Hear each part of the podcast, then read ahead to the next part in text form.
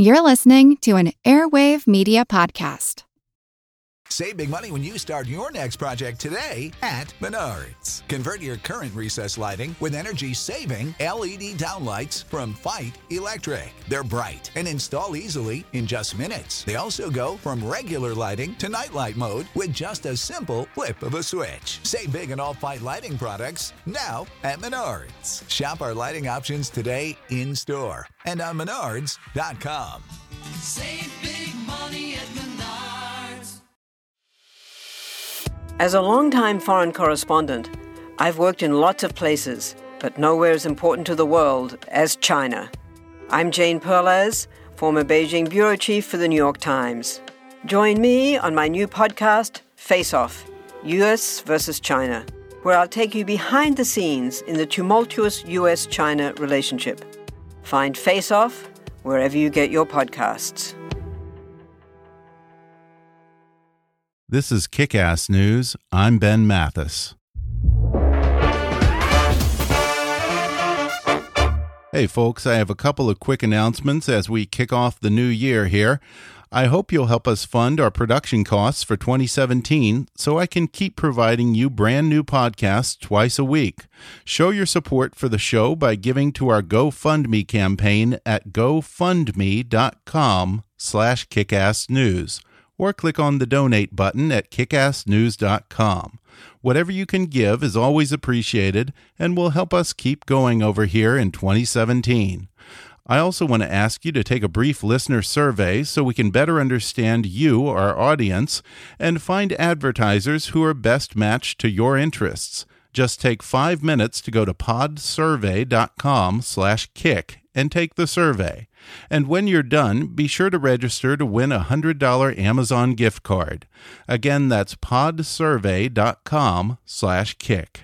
Thanks for listening, and now enjoy the podcast. Hi, I'm Ben Mathis, and welcome to Kick Ass News. Folks, if you think politics is boring, then you haven't met my guest today. The undisputed master of the black arts of electioneering, Roger Stone has been described as the Lord of Mischief and the boastful Black Prince of Republican sleaze by the Weekly Standard. Politico has called him the master of right wing political hit jobs, and the Village Voice has described him as, quote, the most dangerous person in America. This Republican political consultant, lobbyist, and strategist is regarded as much for his sartorial flair and his at times vaudevillian antics as his mastery of opposition research and October surprises. Roger Stone's education in political trickery first began under Richard Nixon, working for the infamous Committee to Re-elect the President. You know, the Watergate folks. His office is something of a museum to Nixon, and he even reportedly has a tattoo of the 37th president on his back.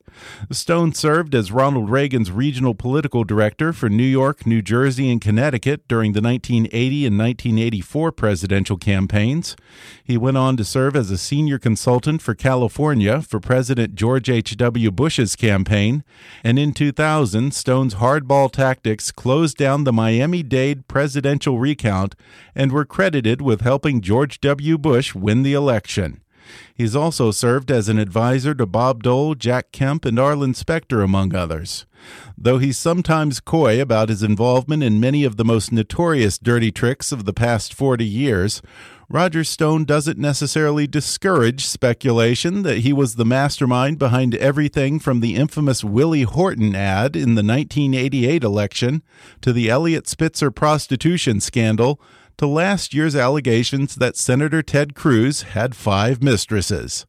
There are even some who allege that he may have pulled off the Mona Lisa of October surprises just last fall by orchestrating the Clinton campaign email hacks and the 11th hour reopening of the FBI investigation into Hillary Clinton.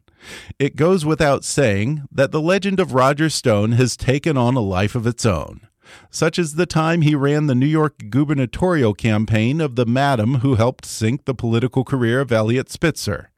In his own words, quote, Politics with me isn't theater, it's performance art, sometimes for its own sake. No one understands that better than the man to whom he has served as an advisor, friend, and close personal confidant, Donald Trump. Now, Roger Stone talks about their 40 year friendship and offers an insider's account of the campaign that broke all the rules and put Trump in the White House in his new book, The Making of the President 2016 How Donald Trump Orchestrated a Revolution. Today, Roger Stone joins me on the podcast to recount his crash course in underhandedness on the Nixon campaign and share some favorable comparisons between Richard Nixon and Donald Trump. He'll talk about his first introduction to Donald Trump through mob attorney Roy Cohn, the near death experience that he says made him realize that Trump was spared for a higher purpose, and the moment years ago when he knew Donald Trump was serious about running for president. He'll reveal why he decided this time he could serve Trump better from outside of Trump's 2016 campaign, and he'll talk about some of the political chicanery he pulled on his old friend's behalf. Plus, he'll address accusations that he was involved in the Russian email hacks that brought down Hillary Clinton, and his suspicions that someone in the deep state may have poisoned him in an attempt to silence Roger Stone once and for all. Coming up with Roger Stone Jr in just a moment.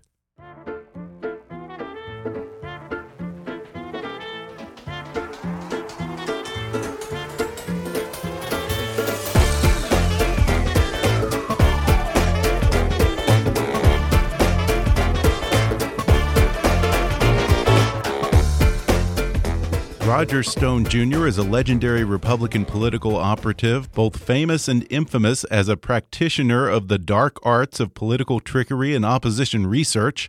He was instrumental in the election of Republican Presidents Richard Nixon, Ronald Reagan, and George H.W. Bush. He was also instrumental in the 2000 Florida recount that helped elect George W. Bush. He's also well known as a snappy dresser and close confidant and political advisor to Donald Trump for almost 40 years, I think.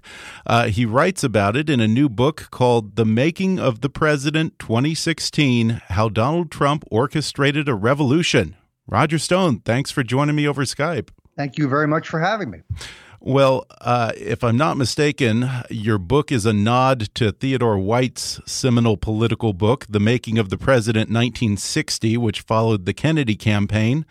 Uh, I believe that's around the time that you first started taking an interest in politics. In fact, wasn't that your first political dirty trick on behalf of JFK? Well, first of all, one man's dirty trick, of course, is another man's civic participation. but um, yeah, I was, uh, my family was non political. Uh, and um, when I was in elementary school, the school announced, I guess I was in the second grade, that they were going to have a mock election.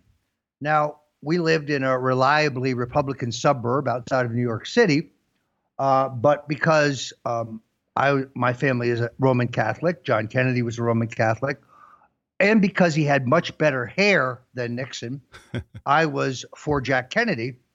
Uh, so, in order to win this mock election, I stood on the cafeteria line and I told each kid, you know, if Nixon is elected, we're going to have school on Saturdays.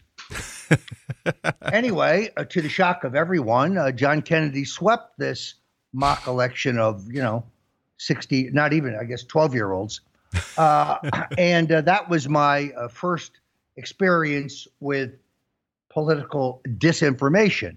Now, of course, I haven't used that technique at all since then. well, I think that got you hooked because later on you worked for Richard Nixon's infamous Committee to Re-elect the President of Watergate fame. A lot of people would probably leave that off their resume, but you seem to revel in it. In fact, you said that that was where you got a crash course in the black arts of campaigning. What did you learn there? Well, first of all, I, I learned that you cannot divorce human nature from politics. Uh, and while people talk about running a positive uh, campaign and they talk about being uplifting and so on, you're familiar with the rock and roll song Dirty Laundry? the voters aren't interested in dry, boring 25 page white papers on the environment. When Smith attacks Jones, they like that. Yeah. Politics is a contact sport in America. Everyone, all Americans like a, a good fight. and politics isn't beanbagged. They accused Abraham Lincoln of fathering African American children out of wedlock. They accused Grover Cleveland of having uh, a uh, an illegitimate child. Uh, they accused one of our early presidents of being a crossdresser. So let, us not pretend that politics has always been pristine uh, and intellectual and uplifting.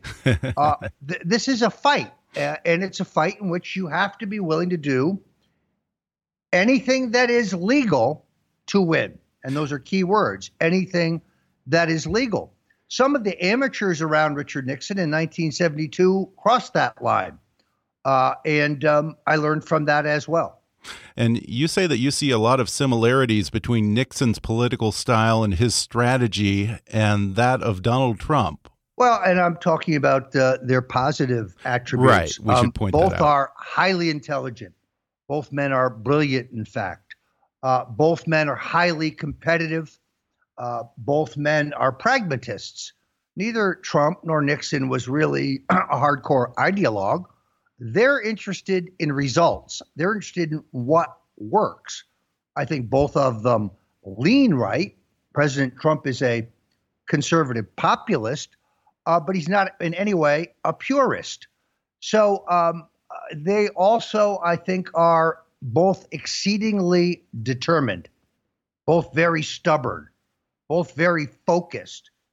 Having known Donald Trump for 40 years, I can tell you when he sets his mind to do something, he cannot be dissuaded. He is going to build the wall because he said he would.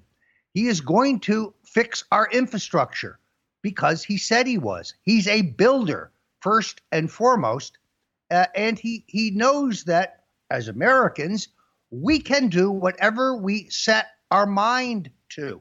Trump doesn't believe there's no such thing as can't. That doesn't exist in his lexicon. So in that sense, he and Trump, I think, uh, pardon me, Trump and Nixon are in many ways similar. Um, do you see more similarities between his style and Nixon's style as opposed to his and Reagan's? Well, certainly in the campaign. Let's review it. Mm-hmm. What did Trump talk about? The silent majority. Right. The forgotten Americans. I am the candidate of law and order. And as far as the Russians are concerned, I am the candidate of peace. Hillary was the candidate of war. Mm-hmm. You probably already have your proxy war in Syria if she had uh, uh, been elected. So I think they're they're very similar. And of course, Reagan was overall more ideological than either one of them. Right. On the other hand, there are similarities with Reagan. Trump and Reagan both have a certain command presence. It's hard to describe because it's more than charisma, it's more than size. I don't mean physical size as much as I mean presence. Mm-hmm. Uh, it, it is a phenomena that's hard to put your finger on. It's certain magnetism. But I know this when Donald Trump is in the room, all eyes are on Donald Trump. When Ronald Reagan was in a room, all eyes were on President Reagan. Uh, George Bush, he could be the guy, your next door neighbor. You wouldn't know the difference. and you worked for both of those guys. In fact, wasn't it when you were working on the Reagan campaign that you first met Donald Trump? Yeah, when I was sent to uh, New York in 1979 to organize the state for Governor Reagan, uh, I was um, uh, introduced to Donald Trump by the notorious lawyer Roy Cohn, and um, we hit it off immediately. Uh, and I walked away from our first meeting saying, wow, I wonder if this guy would ever run for office. And when you met with Roy Cohn, didn't you say that you kind of walked in on a meeting between him and Fat Tony Salerno? Yeah, my very first meeting, I made an appointment um, through his secretary. I showed up at his brownstone office on the Upper East Side. They kept me waiting for, I don't know, half an hour uh, cooling my heels. Finally, the receptionist said, Please go to the dining room on the second floor, and Mr. Cohn will meet you there. Uh, when I walked in, um, there was Roy Cohn wearing a silk bathrobe. It was about 11 o'clock in the morning. He looked like he'd been out all night, which he probably had. Uh, and there was a corpulent gentleman there, and he said, uh, Mr. Stone here works for Governor Ronald Reagan. Mr. Stone, say hello to Mr. Salerno. And there I was, shaking hands with the head of the Genovese crime family. You didn't solicit him for a contribution to the Reagan campaign? uh, first of all, Tony's hand was about the size of a of a ham, uh, and we shook hands. And he said, "So Roy says we're going with Reagan this time." I'm I'm glad to hear it. You know, the last guy I backed was Jack Kennedy, and he turned out to be a no good sob. Oh, we saw what happened to him. So. Yes, I think Tony may have known more about that than I did. Maybe so. Well, what was your first meeting with Donald Trump like? What was your impression of him? Uh, I just saw the charisma. I saw the magnetism. I saw the size. Uh, and then people may not realize this because they see the television version, but he's a very funny guy. Mm-hmm. He's a very easygoing, fun to be with guy. He, he he can talk to anybody, doorman or you know Fortune 500 CEO. He speaks easily to everyone. Uh, for a guy who's a billionaire, he's not in any way an elitist or a snob. He's just a regular guy. And one of the most interesting stories in the book, you talk about a moment when you realized Donald Trump was put on the earth for a higher purpose. And I guess either you or divine providence must have stepped in and spared both of your lives. What happened there? Well, I um, was working in Washington, D.C. Uh, as a lobbyist for the Trump organization. Uh, on some specific matters, I had a time-sensitive meeting, a matter in which I needed to see Donald. I called him in New York and said, you know, I could jump a shuttle and see you at noon today. And he said, no, I can't do it today. I've got to fly to Atlantic City with some of my executives. How about tomorrow? And I said, well, this really won't wait. Uh, I really need to see you today. And he said, all right, I'll tell you what. If you head up here immediately, I'll send the chopper down with those guys. Then I'll have it sent back to pick me up and take me down when we're finished. Uh, and that's what I did. So when I showed up at the office, I was ushered in to see uh, Donald. And within a few minutes, his assistant, Norma Foerderer, came in and said, um, I have terrible news, Mr. Trump. Uh, the superintendent of state police, Clint Pagano, is on line one for you. The helicopter has crashed and everybody aboard has been killed. Wow. Uh, uh Donald took the call from the superintendent of police, who confirmed that yes, the plane had gone or the helicopter had gone in the Pinelands and everybody had perished. Donald really asked only one question Are you absolutely sure? And the cop said, Yes, I'm absolutely sure. He hung up the phone. He was quiet for a moment. Then he instructed his assistant, Norma, to get each one of the widows on the phone for him in some cases, he was the one breaking the news to them, something I could Gosh. not have done. Yeah. Uh, now, he may have met with other people after he scheduled me, and I'm not saying I saved his life. I'm saying God saved his life. Yeah. I really believed at that point that he'd been saved for a, a higher purpose, that he'd been designated by our Creator for some higher purpose. I now realize exactly what that higher purpose was. I think this is our last best chance to save our country. Many people felt that this was just a lark for Donald Trump at first, but you say he had his eye on 2016 for several years in advance. Um, when did Donald Trump get serious first about running for the Republican nomination? Well, I know a lot of people don't believe this, but I, I always thought he was somewhat serious. There is that factor in which you look at the job being done by others and you say, wow, I could do better than that. The truth of it is that he came very close to running in 2012. Mm-hmm. I wanted him to run in 2012. But in retrospect, I'm not sure he could have won in 2012. I think perhaps Americans needed to experience the full eight years of Barack Obama before the perfect storm was created before you had the level of of anger and dissatisfaction with Washington and politicians that we have today. So uh, I do know this. He later regretted not running in 2012 when he saw what a terrible campaign and a terrible candidate Mitt Romney was. Really? Uh, and within days of Romney losing, before the end of the year in 2012, Donald quietly went to the U.S. Patents and Trademarks Office and trademarked the phrase, Make America Great Again. He told me on New Year's Day, 2013, I'm definitely running in 2016. I've already trademarked the phrase, the slogan. Yeah, that was really interesting that he even had the slogan four years back. Um, well, your role this time, you said, was as a friend and a confidant. Uh, you didn't have, I guess, an official role within the Trump campaign. Is that right? Well, I, I, I was a paid consultant to the Trump campaign until August. Okay. I, resi- I resigned in August for two reasons. One, my book, The Clintons' War on Women, which is a devastating expose of Bill, Hillary, and their greedy, corrupt, criminal little child, Chelsea, who's a 30 year old adult, by the way, uh, uh, was coming out. And then, secondarily, it finally occurred to me that I could be more effective on Donald Trump's behalf from the outside. Right. Life is too short to have to deal with people like Corey Lewandowski. Well, yeah, that's what I was going to ask you. As a practitioner of the dark arts, uh, did you decide that you would be more useful to him from outside the official campaign? Well, I, uh, there's no doubt about that, and I did a, cup, a couple of uh, perfectly legal and entirely reported independent efforts, uh, f- for which there was no coordination with the campaign. Mhm. Two of them are detailed in this book: the effort to educate African Americans about Danny Williams, who is the legitimate, genuine, abandoned son of Bill Clinton, banished by Hillary. 38 million people saw the documentary video on this that I Yeah. put up on Facebook.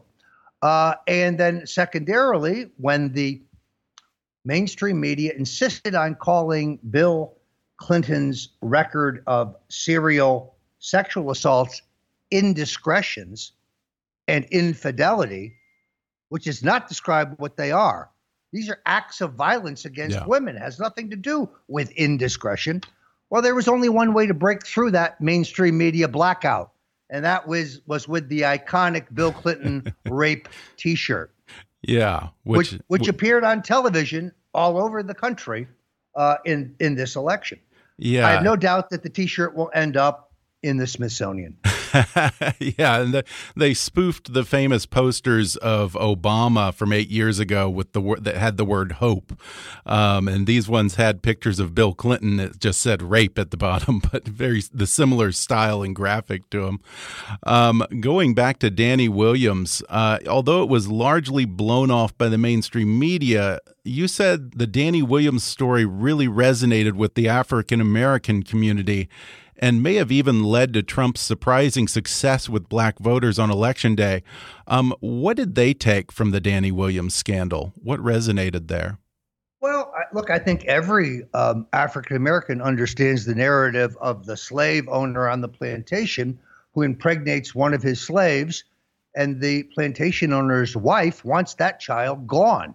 This is a very familiar meme. Uh, and if anyone will look at it objectively, look at the facts, and look at his physical likeness, there is no question that Danny Williams is the son of Bill Clinton.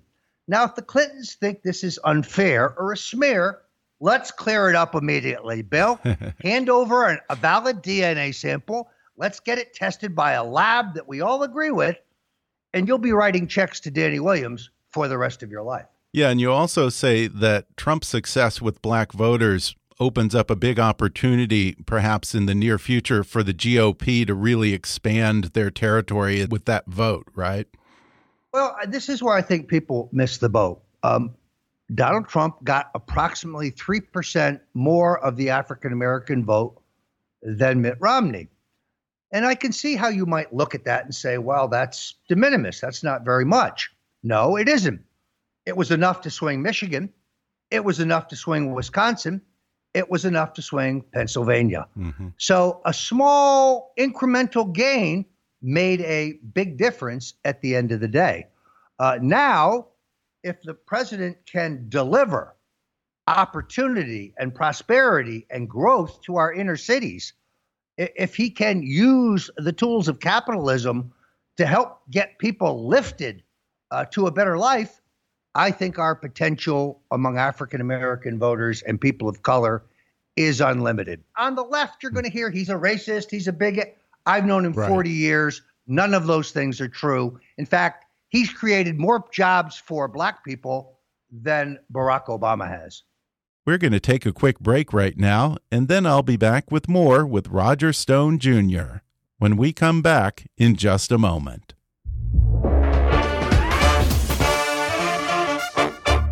So it's a new year now, and there's no better time to launch an online business or expand your online presence for your existing business, and GoDaddy.com wants to help. GoDaddy's mission is to radically shift the global economy toward life fulfilling independent ventures, helping their customers kick ass by giving them the tools, insights, and the people to transform their ideas and personal initiatives into success.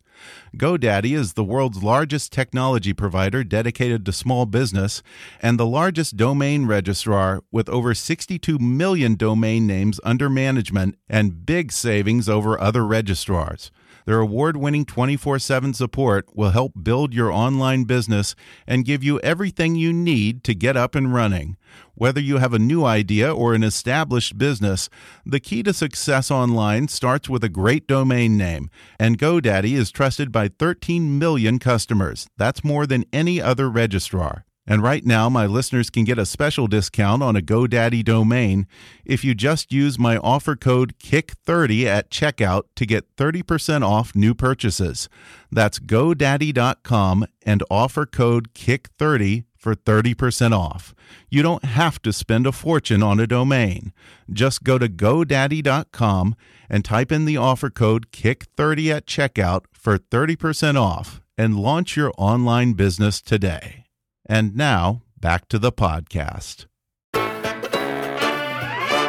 Going back to the convention, you say that when he was trying to pick his running mate, uh, along with Mike Pence, he considered Chris Christie and Newt Gingrich. Why did he end up going with Mike Pence? Well, first of all, I think Pence was reassuring to the conservative base of the party, particularly to uh, the party's evangelical Christian wing.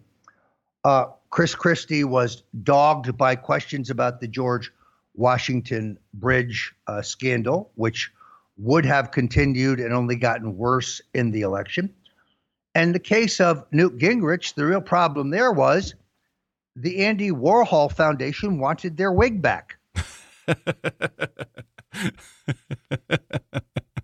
well, well, there were also rumors that then candidate Trump had one of his sons approach John Kasich about joining the ticket. As far as you know, was there any truth to that? I don't believe that that is true. Well, let's talk about election night. What was that like from your perspective? Where were you? Well, I, I had um, pretty much figured out that Donald Trump would win on Sunday before the election. Really? Yes, really on the basis of studying a lot of polling that is not available to the average citizen some from the campaign, some from other Republican candidates running for office, but testing the presidential race in their states. I do have a network of people across the country who I've known through nine, now 10 Republican presidential campaigns. And I could see the trend line, uh, and you could extrapolate it out and see where the line would cross. Trump was gaining with an enormous head of steam Friday, Saturday, Sunday, Monday. Hillary Clinton was either, depending on the state, sitting still, and in some cases, she was starting to drop, largely because of the announcement that the email investigation would be reopened. So um, it was a surreal moment. Early in the evening, when the early return showed her ahead, I did for a moment say to myself, wow, could you be wrong? Did you misread this? Uh, in the end, I didn't. In the end, it came out exactly as I thought it would, and that being Trump breaks through in Michigan, Wisconsin, and Pennsylvania and wins the election. Everything else up to that time was predictable. We knew that we would win Ohio. We knew we would squeeze out Florida. Right. Uh, it was, you know, the real question was, could we expand the map? Which you did. So this didn't come as a surprise to you, despite all the public polls that said she was going to win by a significant margin. No, because as I write in the in my book, the pollsters, almost all of them, with a few exceptions, were using a bad model. They were making an assumption that turnout would be the same in 2016 as it had been in 2012. Mm-hmm. The same number of women, the same number of men, the same number of Hispanics, the same number of African Americans, the same number of Catholics, etc. And that was a that was a bad decision. You didn't have to be a genius to understand that the dynamics were different and that Hillary Clinton, no matter how hard she tried, was never going to get as many votes or as big a turnout from the African American community as President Barack Obama, who is, let's face it, an iconic, historic figure. So, uh, and they and they overestimated Hillary's strength among women. Mm-hmm. Among women over 53, white women over 53, Donald Trump carried them. Trump also won three out of 10 of the Bernie Sanders voters yeah. on the basis of his appeal on trade and war and peace issues. Yeah, and since that night, uh, some have tried to tarnish his victory by making claims that there have been ties between Russia and Vladimir Putin and the Trump campaign. Uh, you yourself have been accused by some in the mainstream media of being a something of a conduit between Vladimir Putin and the Trump campaign. You mentioned publicly having some connection to Julian Assange and perhaps some vague knowledge that something was coming that might damage Clinton. What is your relationship with Julian Assange? Yeah, I'm always glad to have an opportunity to clear the air about this. Um, I did not have advance notice that he was going to hack anybody, including John Podesta. We do have a mutual friend who's a journalist, whose name I'm not going to reveal, who who communicated with Assange and then communicated with me and told me that WikiLeaks was in possession of devastating information that would rock the Clinton campaign and that they would release it. Guess what? He did, and they did, and that's exactly what happened. Uh, some in the Clinton camp have tried to use that to say Stone knew that the that Assange and WikiLeaks were in bed with the Russians. Stone knew in advance that Podesta's email would be packed. No, I didn't. Just to be clear. Okay. Okay. I don't have any. I don't have any Russian clients. I don't know any Russians. I have never been to Russia. I did not communicate directly or indirectly with any Russians during this campaign or any other. Uh, I have no Russian influences, no Russian contacts. The whole thing is a canard. It's a falsehood. Okay. It, it started by the Clinton campaign, picked up by the Central Intelligence Agency, and I simply say, where is the proof? Don't tell us about your assessments or your judgments or your projections. Show me proof. Yeah. And, and, then some people pointed to the tweet that you made about uh, John Podesta over the summer saying that he'll soon get his time in the barrel. And then they suggested that that was alluding to the leaks about John Podesta that would come later on in the fall. Um, what were you referring to in that tweet about Podesta? I was referring to a piece that I wrote that was published three days later in late August connecting John Podesta, the Russian mob, and the Clinton Foundation. By the way, none of that information came from WikiLeaks or is reflected in the subsequent WikiLeaks uh, disclosures.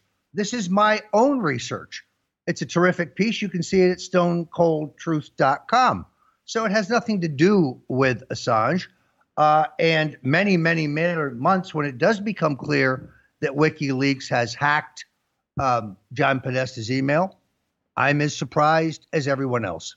Well, as a political trickster, does part of you wish that you would have been responsible for the hack? I mean, that you could have gone out with the ultimate masterpiece of October surprise there. Well, first of all, uh, as I think we now know, the Democratic National Committee records that show that Hillary and Deborah Wasserman Schultz had to cheat to beat Bernie Sanders right. was not the results of a hack. Let me say it again not the results of a hack. I don't know what's wrong with the New York Times, but they can't get this through their head. The people who physically passed that information on from an informant have come forward. Craig Murray, who's a distinguished former British diplomat, says he was the one who physically met somebody in the woods outside of American University and got the file. Interesting. Days, la- days later, uh, Seth Rich, a young man who worked at the Democratic National Committee, gets three bullets in the back. Right, right. Then Assange goes public on Twitter and says he's offering an award for information that leads to the conviction of the murderer of Seth Rich. Who was Assange's informant? Let me give you an educated guess. Huh. Now, you also claim that you had a bit of a close call. You claimed that you were in December poisoned by political enemies in the quote unquote deep state because they wanted to stop you from testifying about the Russian hack before Congress. Um, what do you mean by the deep state? Well, uh, first of all, I, I put forward a theory because I can prove nothing. I can only prove Okay. that I was very ill, uh, and all the medical records most definitely showed that I had been poisoned with an exogenous substance uh, that the medical report says was um, uh, uh, polonium Polonium. or a similar substance. hmm Polonium is a highly restricted substance. You can't Right. just walk into a drugstore and buy it. Only nation states have access to it. Now, some people say, ah, you see, the Russians wanted to kill Stone because he was their agent and they were afraid Right. that he would that he would be exposed. Well, they've used that hearings. method before several times, right? Well, they The allegedly have. polonium. Yeah. A- allegedly. No one's ever proven that Litvinenko was killed by the Russians. He may have been killed by British intelligence. But um, one of my mine is just a theory. Who is the deep state? The Central Intelligence Agency and other elements of the NSC. Okay. John Brennan, the radical Islamist Wahhabist, a man who refused to be sworn with the Bible, uh, and who's an active member of the U.S. Communist Party, according to his wiki biography. Uh, I'd say he's a member of the deep state. How is it that he predicted the Russian hacking before it happened? Huh. Mr. President, arrest this guy, investigate him, indict him, and try him. He's a traitor. So He's you a perfect example of Okay. the deep state. This is the CIA director who said to the President of the United States just before he was sworn in, You better watch your mouth. Hmm. Really? Really? So you think that perhaps John Brennan or someone under him or associated with him might have been responsible for the hacks as some kind of a I don't know, a false flag or what? Yeah, look, the whole notion of Russian hacking grew out of the fact that Donald Trump said late in the campaign, in regard to Hillary's illegal, unsecure email server, hey, if the Russians have her records, I hope they'll release them. That turned into a Clinton talking point. The Russians are helping Trump. Trump is in bed with the Russians. Roger Stone, Paul Manafort, they work for the Russians. This is the new McCarthyism. Hmm. If you're not for thermonuclear war with the Russians over Syria, then you must be a traitor to your home country. Uh, it, it, it, it's it's insulting, really. Uh, the irony that they would accuse us of being soft on to- totalitarianism. Uh, Putin's not a good guy. The Russian system is not a good system. But that doesn't mean that I want war over Syria, hmm where Assad is definitely not a friend of ours, propped up by the Russians and financing Hezbollah and worse. And on the other side, you have ISIS propped up by the Saudis, the Saudis who feed radical Islam while pretending to oppose it. Do you think President Trump realizes that Vladimir Putin isn't a good guy and probably not someone to be immediately trusted? Without any question. Yeah, But that doesn't mean you don't respect him. You Mhm. have to respect him. fair enough. and you have to have some kind of mutual trust so you can negotiate. Why would Putin theoretically favor Trump over Hillary? Easy. He's met Hillary.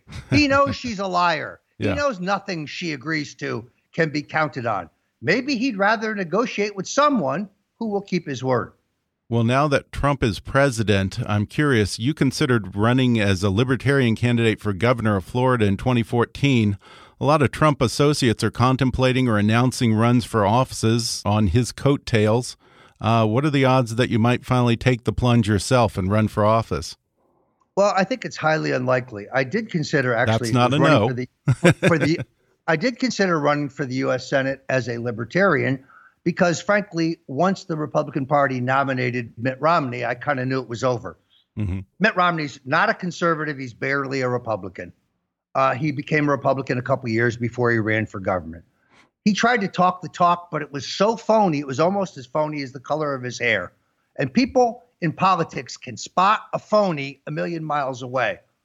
I worked for Tom Kean, one of the greatest governors in New Jersey. Right. He was an aristocrat. He had an odd way of speaking. He dressed aristocratically. He was eminently likable. You know why? Because he didn't try to pretend to be something he wasn't, like George Bush Mhm. Sr. Cowboy boots, pork rinds. Dude, you were born in Greenwich, Connecticut. Give me a break. you went to private schools in Greenwich, Connecticut and Massachusetts. Now suddenly you're a cowboy? Doesn't work. Now, are you a registered Republican or a Libertarian now?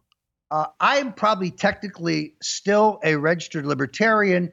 I looked into switching back to the Republican Party so I could vote for Donald Trump in the Florida primary, but I had missed the deadline.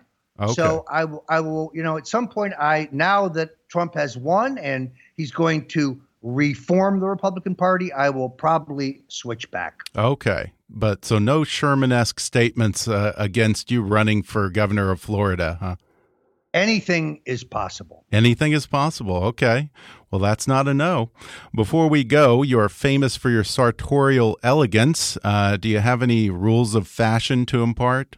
Uh, well, I, I've got to say that I was just a little disappointed um, that President Trump uh, did not choose to wear the traditional uh, morning suit that Jack Kennedy and and um, uh, Bill Clinton uh, and Ronald Reagan wore. You know the the the uh, tailcoat, the gray vest, the striped Yes. trousers. Uh, on the other And hand, the top hat, um, the gray top hat. the yeah, the top hat's the best part. On the other hand, um, the president uh, elect did call me before the inauguration with one simple question. Rog, he said, blue tie, red tie. Obvious, red tie. yeah. The red the red power tie. That is and was established by Donald Trump. Yeah, and I did see your tweet in which you uh, had a photo of yourself dressed in full morning clothes for the inauguration. I think you said uh, the the proper attire for a presidential inauguration. I think I think I, somewhere I tweeted that and I said Roger Stone is properly dressed for the inauguration of William Howard Taft. Just tweaking you a that's little. great that's a great tweet. You know, the last time was I wore this outfit was when I got married. So Oh, I've been really? looking for another opportunity to wear it, and here it was. now, were you wearing spats with that? No, you never wear spats during the day, just for a small etiquette point. Spats are only for the evening, and they tend to make the whole thing a little too costumey, which is Right. not what you're trying to achieve. Words to the wise. I'll keep that in mind. Well, again, the book is called The Making of the President 2016 How Donald Trump Orchestrated a Revolution. Roger Stone Jr., thanks for talking with me. Uh, you can get this at Infowars.com or Barnes and Okay. Noble or RogerStone.com. Thanks for having me. All righty. Thanks a lot, Roger. I appreciate it. Terrific. Thank you. Thanks again to Roger Stone for joining me on the podcast. If you enjoyed today's episode, then you can order his book, The Making of the President 2016 How Donald Trump Orchestrated a Revolution, on Amazon. Or you can download the audio version for free through a special trial offer just for our listeners at audibletrial.com slash kickassnews. You can visit Roger Stone's website at stonezone.com and follow him on Twitter at, at Roger J. Stone Jr. Don't forget to take our listener survey so we can keep the show free and find advertisers who are best matched to you, our listeners. Just take five minutes to go to podsurvey.com slash kick and take the survey. And when you're done, be sure to register for that $100 Amazon gift card giveaway. Be sure to subscribe to Kickass News on iTunes and leave us a review while you're there. You can like Kickass News on Facebook or follow us on Twitter at, at KAPolitics. And please be sure to recommend Kickass News to your friends on your social media. And if you really want to help out, then donate to our GoFundMe campaign at gofundme.com slash kickassnews or click on the donate button at kickassnews.com. As always, I welcome your comments, questions, and suggestions at comments at kickassnews.com. For now, though, I'm Ben Mathis, and thanks for listening to Kickass News.